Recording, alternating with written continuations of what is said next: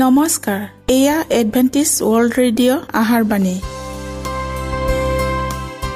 ঊনৈছ মিটাৰ বেণ্ডত পোন্ধৰ হাজাৰ পাঁচশ পঞ্চাছ কিলো হাজত। এডভেণ্টিছ ৱৰ্ল্ড ৰেডিঅ' যোগে অসমীয়া ভাষাত প্ৰচাৰিত আহাৰবাণী প্ৰত্যেক বুধবাৰ আৰু দেওবাৰ সন্ধিয়া সাত বজাত আহাৰবাণী শুনাৰ পিছত আপোনালোকৰ কিবা মন্তব্য আৰু প্ৰশ্ন থাকিলে আমালৈ এই ঠিকনাত লিখক। আমাৰ ঠিকনাটি হৈছে Adventist world radio' seven day Adventist মণ্ডলী অসম শাখা লতাকাটা বশিষ্ঠ গুৱাহাটী সাত আঠ এক শূন্য দুই ন।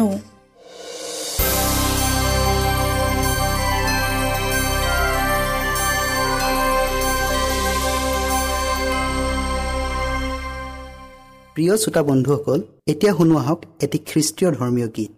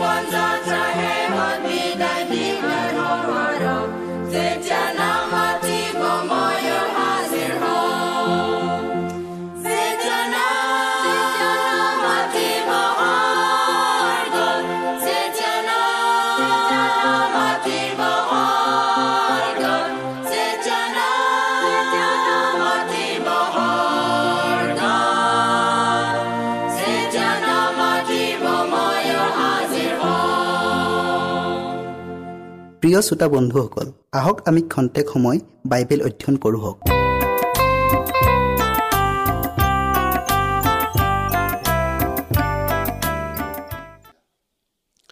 পাপ স্বীকাৰ যি মানুহে নিজৰ অপৰাধ ঢাকে তাৰ কল্যাণ নহ'ব। কিন্তু যিকোনোৱে তাক স্বীকাৰ কৰি ত্যাগ কৰে তেওঁ কৃপা পাব।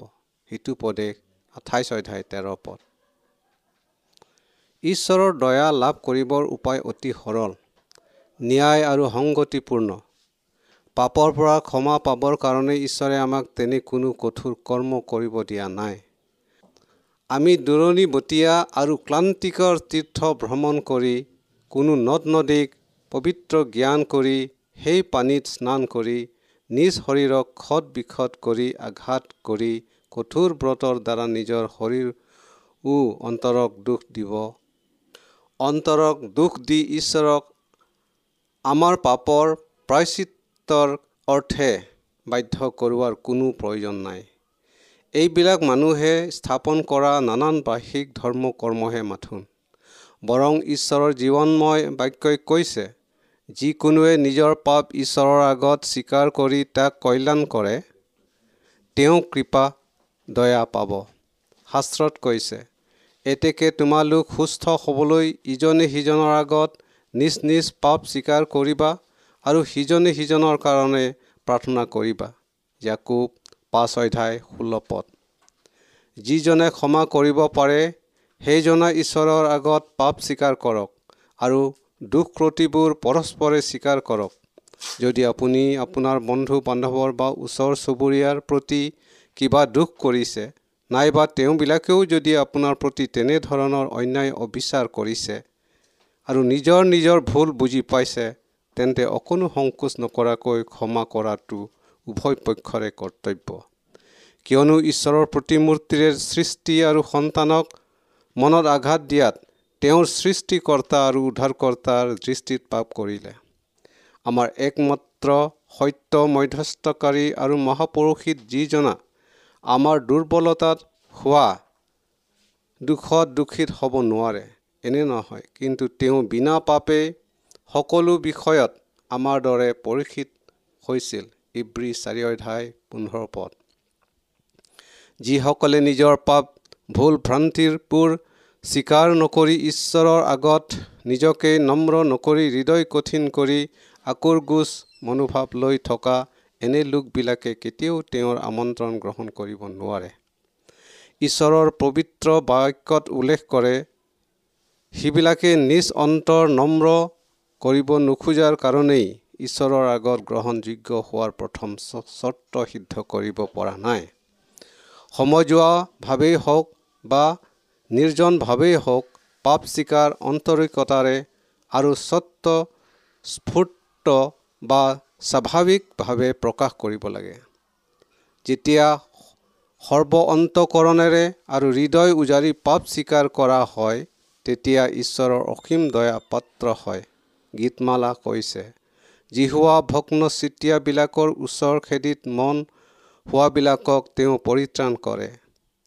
চৌত্ৰিছ অধ্যায় ওঠৰ পদ। চমুৱেলৰ সময়ত ইছৰাইলবিলাক ঈশ্বৰৰ পৰা আঁতৰি বিপদগামী হৈছিল। সিবিলাকে কৰা অপৰাধৰ পৰিণাম ভোগ কৰিছিল কিয়নো সিবিলাকে ঈশ্বৰৰ প্ৰতি অবিশ্বাসী হৈ সঁচা মিছা ভাল বেয়া ন্যায় অন্যায় ধৰ্ম অধৰ্ম একোৰে বিচাৰ কৰিব নোৱাৰা হ'ল।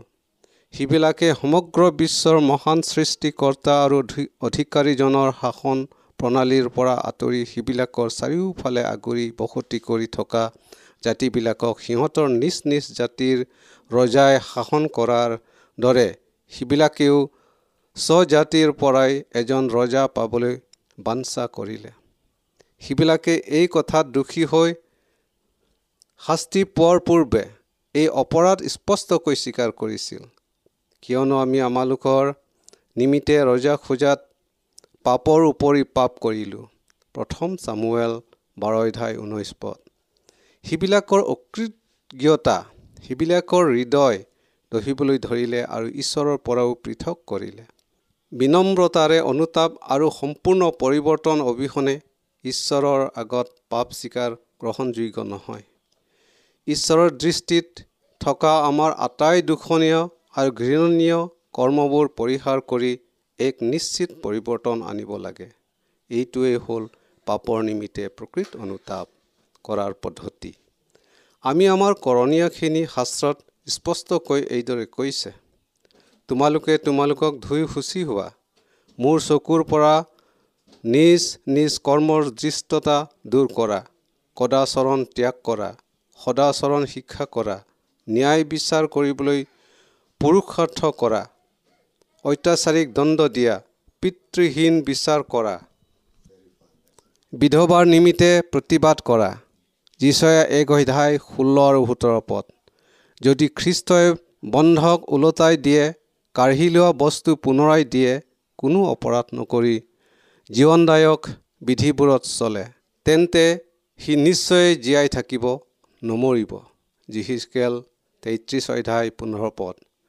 অনুতাপ কাৰ্যৰ বিষয়ে পৌলে কৈছে কিয়নো চোৱা ঈশ্বৰৰ ইচ্ছা দৰে হোৱা সেই মনুষ দুখেই তোমালোকৰ অন্তৰত কেনে যত্ন কেনে দুখ খণ্ডন কেনে বিৰক্তি কেনে ভয় কেনে হাবিয়া কেনে উৎসাহ কেনে প্ৰতিকাৰ সাধন কৰিলে। সেই কথাত তোমালোকে সকলো প্ৰকাৰে নিজকে নিৰ্দোষী দেখুৱাইছিল। দ্বিতীয় কৰন্থিয়ান সাইদত সাত অধ্যায় এঘাৰ পদ। পাপে যেতিয়া নৈতিক জ্ঞান বোধ শক্তি নাইকিয়া কৰি পেলায় তেতিয়া সেই ব্যক্তিজনে তেওঁ কৰা কুকৰ্ম পৰিণাম কি হ'ব পাৰে তাক গম নাপায়। আৰু যেতিয়ালৈকে পবিত্ৰ আত্মাৰ দুখ সাব্যস্ত কৰা শক্তিৰ অধীন হয় তেতিয়ালৈকে তেওঁ নিজ পাপতেই আবদ্ধ হৈ থাকিব।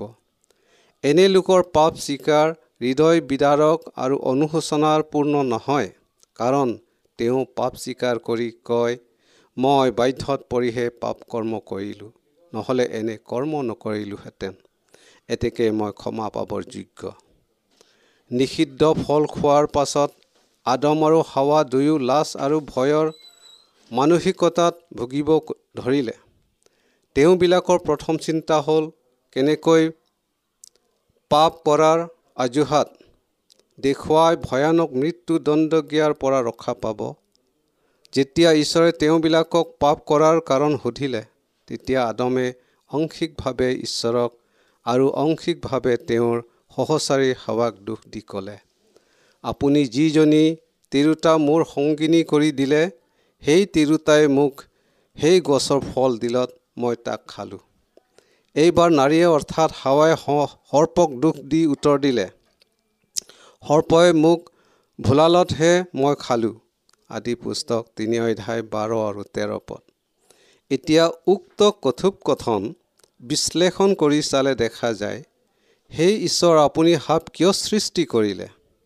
সাপক কিয় এডেনত প্ৰৱেশ কৰিব দিলে?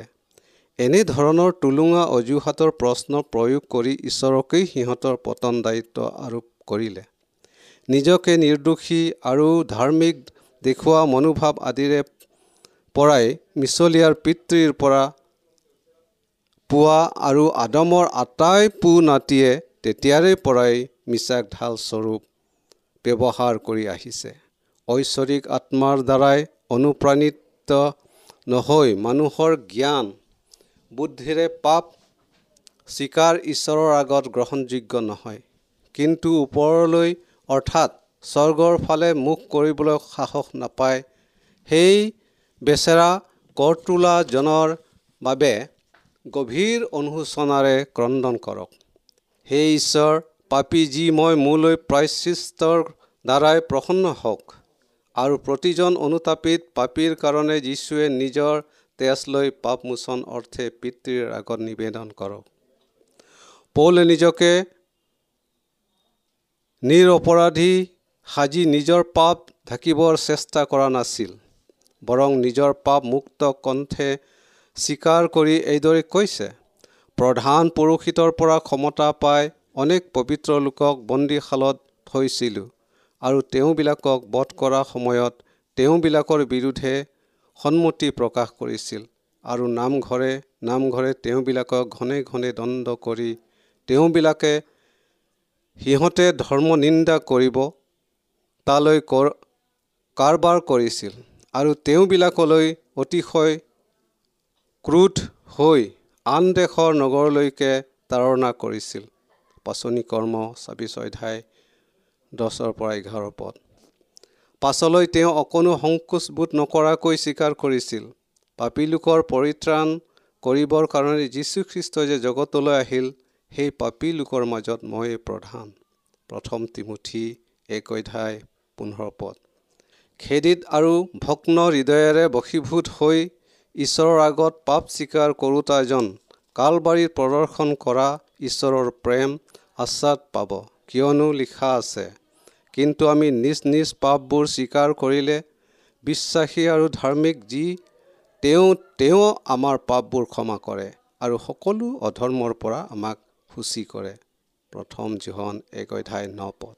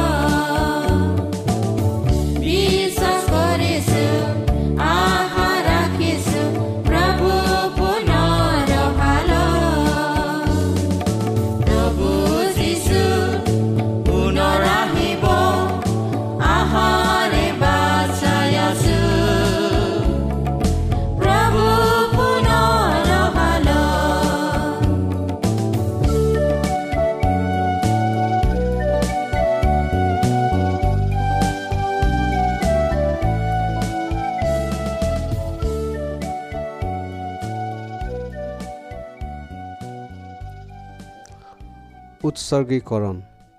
আৰু তোমালোকে সমস্ত মনেৰে মোক বিচাৰিলে মোক পাবা। জিৰিমিয়া ঊনত্ৰিছ অধ্যায় তেৰ পদ। এয়া মানুহৰ প্ৰতি ঈশ্বৰে কৰা প্ৰতিজ্ঞা। আমি ঈশ্বৰৰ প্ৰতিমূৰ্তিত পুনৰাই প্ৰতিষ্ঠিত হ'বলৈ হ'লে মন পৰিৱৰ্তনৰ দ্বাৰাই অন্তৰে সৈতে তেওঁৰ সৰাপন্ন হ'ব লাগিব। স্বভাৱ সুলভভাৱে আমি ঈশ্বৰৰ পৰা পৃথক হ'লেও পবিত্ৰ আত্মাই আমাৰ অৱস্থা এইদৰে বৰ্ণনা কৰিছে। অপৰাধ আৰু পাপবোৰত মৰি আছিলা। ইফিচিয়ে দুই অধ্যায় এক পদ। গোটেইটো মোৰ পীড়িত আৰু গোটেই মন দুৰ্বল। যিচয়া এক অধ্যায় পাঁচ আৰু ছয়। আৰু ছয়তানৰ ইচ্ছা সাধনৰ অৰ্থে তাৰ দ্বাৰাই বন্দী হ'ল।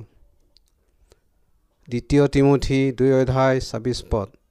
ঈশ্বৰে আমাক আমাৰ পাপ ৰোগৰ পৰা সুস্থ কৰি মুক্তি দিবলৈ প্ৰস্তুত।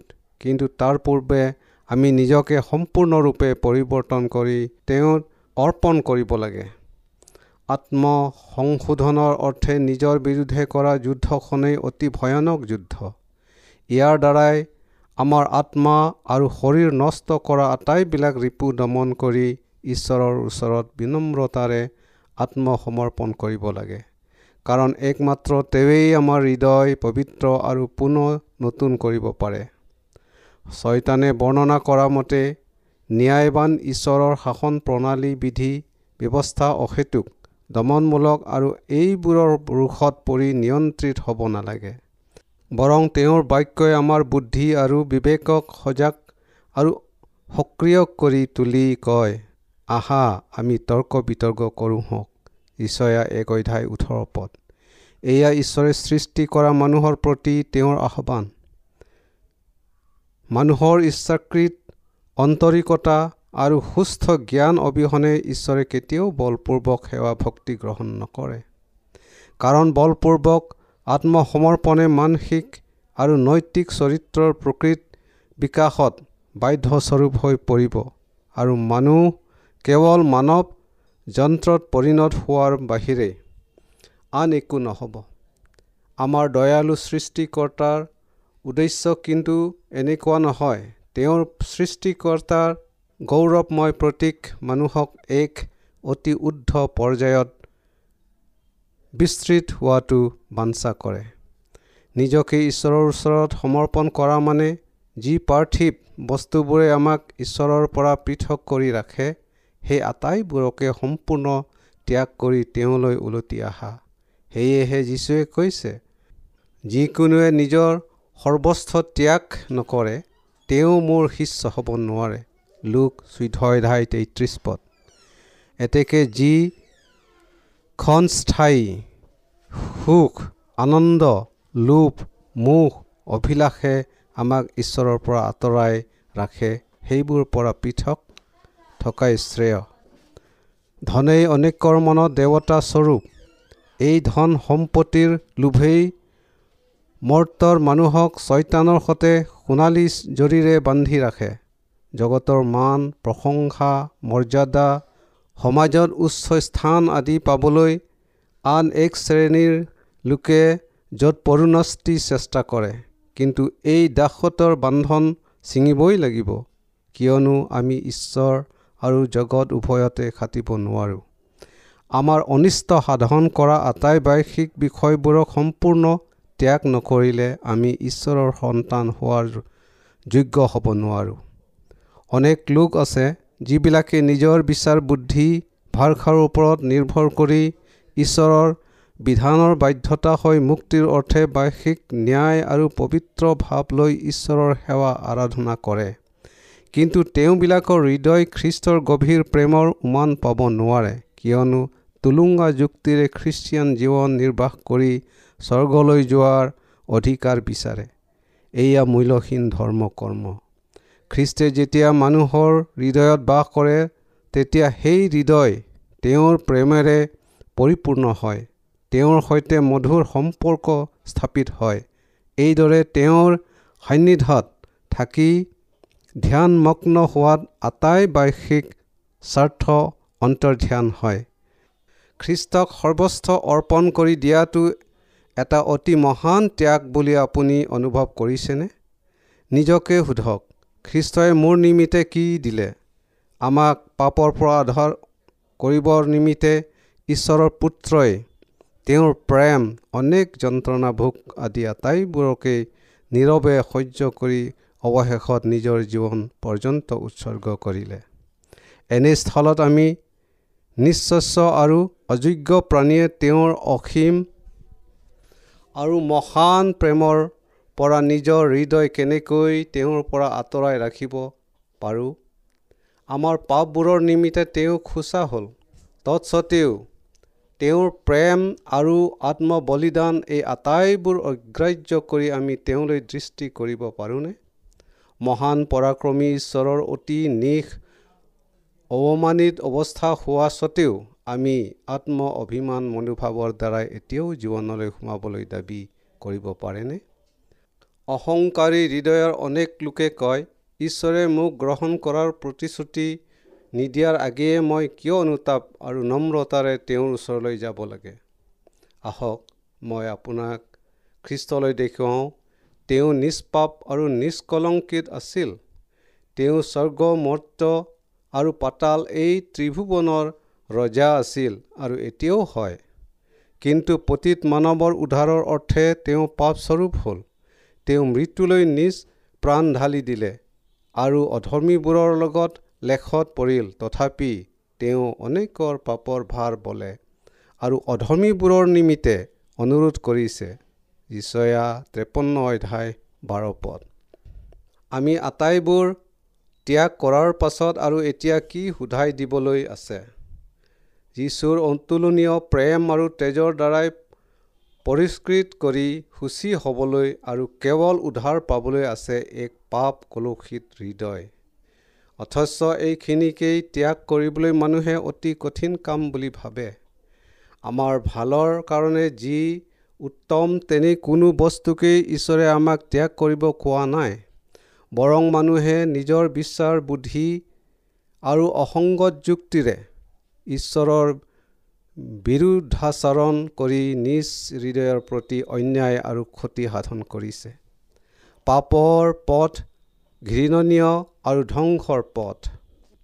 ঈশ্বৰে পৃথিৱীত থকা তেওঁ সন্তানবিলাকৰ দুখ যন্ত্ৰণা ভোগ দেখি আনন্দ পায়। এনে মনোভাৱ ধাৰণ কৰাটো ভ্ৰান্তিকৰ মাথোন। কিয়নো স্বৰ্গীয় দূতবিলাকে মানুহৰ সুখ আনন্দৰ প্ৰতিহে অধিক ন আমি যি অৱস্থাতে আছোঁ জগতৰ ত্ৰাণকৰ্তা ঈশ্বৰে আমাক সেই অৱস্থাতেই তেওঁৰ পুনৰ তেজৰ দ্বাৰাই সূচী কৰিব পাৰে। অনেকে সোধে মই নিজৰ অনেকে সোধে মই নিজেই কেনেকৈ ঈশ্বৰত সমৰ্পণ কৰিম? নিশ্চয় আপুনি নিজকে তেওঁৰ হাতত সোধাই দিবলৈ ইচ্ছা কৰে কিন্তু আপোনাৰ দুৰ্বল মানসিক শক্তি সন্দেহৰ বশৱৰ্তী আৰু পাপ অভ্যস্ত জীৱনৰ দ্বাৰাই নিয়ন্ত্ৰিত হোৱাত সেইবোৰ বাধাস্বৰূপ হৈছে। ইচ্ছাৰ প্ৰকৃত শক্তিক আপুনি অনুভৱ কৰাটো আৱশ্যক কিয়নো ব্যক্তি এজনৰ স্বভাৱত এনে এক পৰিচালিত শক্তি থাকে যিয়ে ভাল আৰু বেয়াৰ পাৰ্থক্য বিচাৰ কৰিব পাৰে। আপুনি নিজেই নিজৰ হৃদয় পৰিৱৰ্তন কৰিব নাইবা ঈশ্বৰৰ দয়াৰ পাত্ৰও হ'ব নোৱাৰে কিন্তু তেওঁৰ পৰিচৰ্যা কৰিবলৈ ইচ্ছা কৰিব পাৰে। সেই ইচ্ছা আপুনি ঈশ্বৰত সোধাই দিয়ক তেতিয়াই দেখিব আপুনি সেই ইচ্ছাৰেই তেওঁৰ দৃষ্টিত ভাল আৰু সন্তোষজনক কৰ্ম কৰি গৈছে। এইদৰে আপোনাৰ গোটেই জীৱনটোৱেই খ্ৰীষ্টৰ আত্মাৰ অধীনত পৰিচালিত হৈ উভয়ৰে মাজত প্ৰেমৰ দৃঢ় সম্বন্ধ গঢ়ি তুলিব। শুদ্ধতা আৰু পবিত্ৰতালৈ হাবিয়াস কৰি আগুৱাই গৈ থকাটো সংগতিপূৰ্ণ কিন্তু ইয়াৰ গতিৰোধ হ'লেই আটাইবোৰ মূল্যহীন হৈ যায়। সেয়ে অনেক খ্ৰীষ্টৰ অনুগামী হ'বলৈ ইচ্ছা আৰু হাবিয়াস কৰিও অকৃতজ্ঞতা হয়। কাৰণ ঈশ্বৰৰ ইচ্ছানুযায়ী তেওঁবিলাকে বশীভূত হোৱা নাই।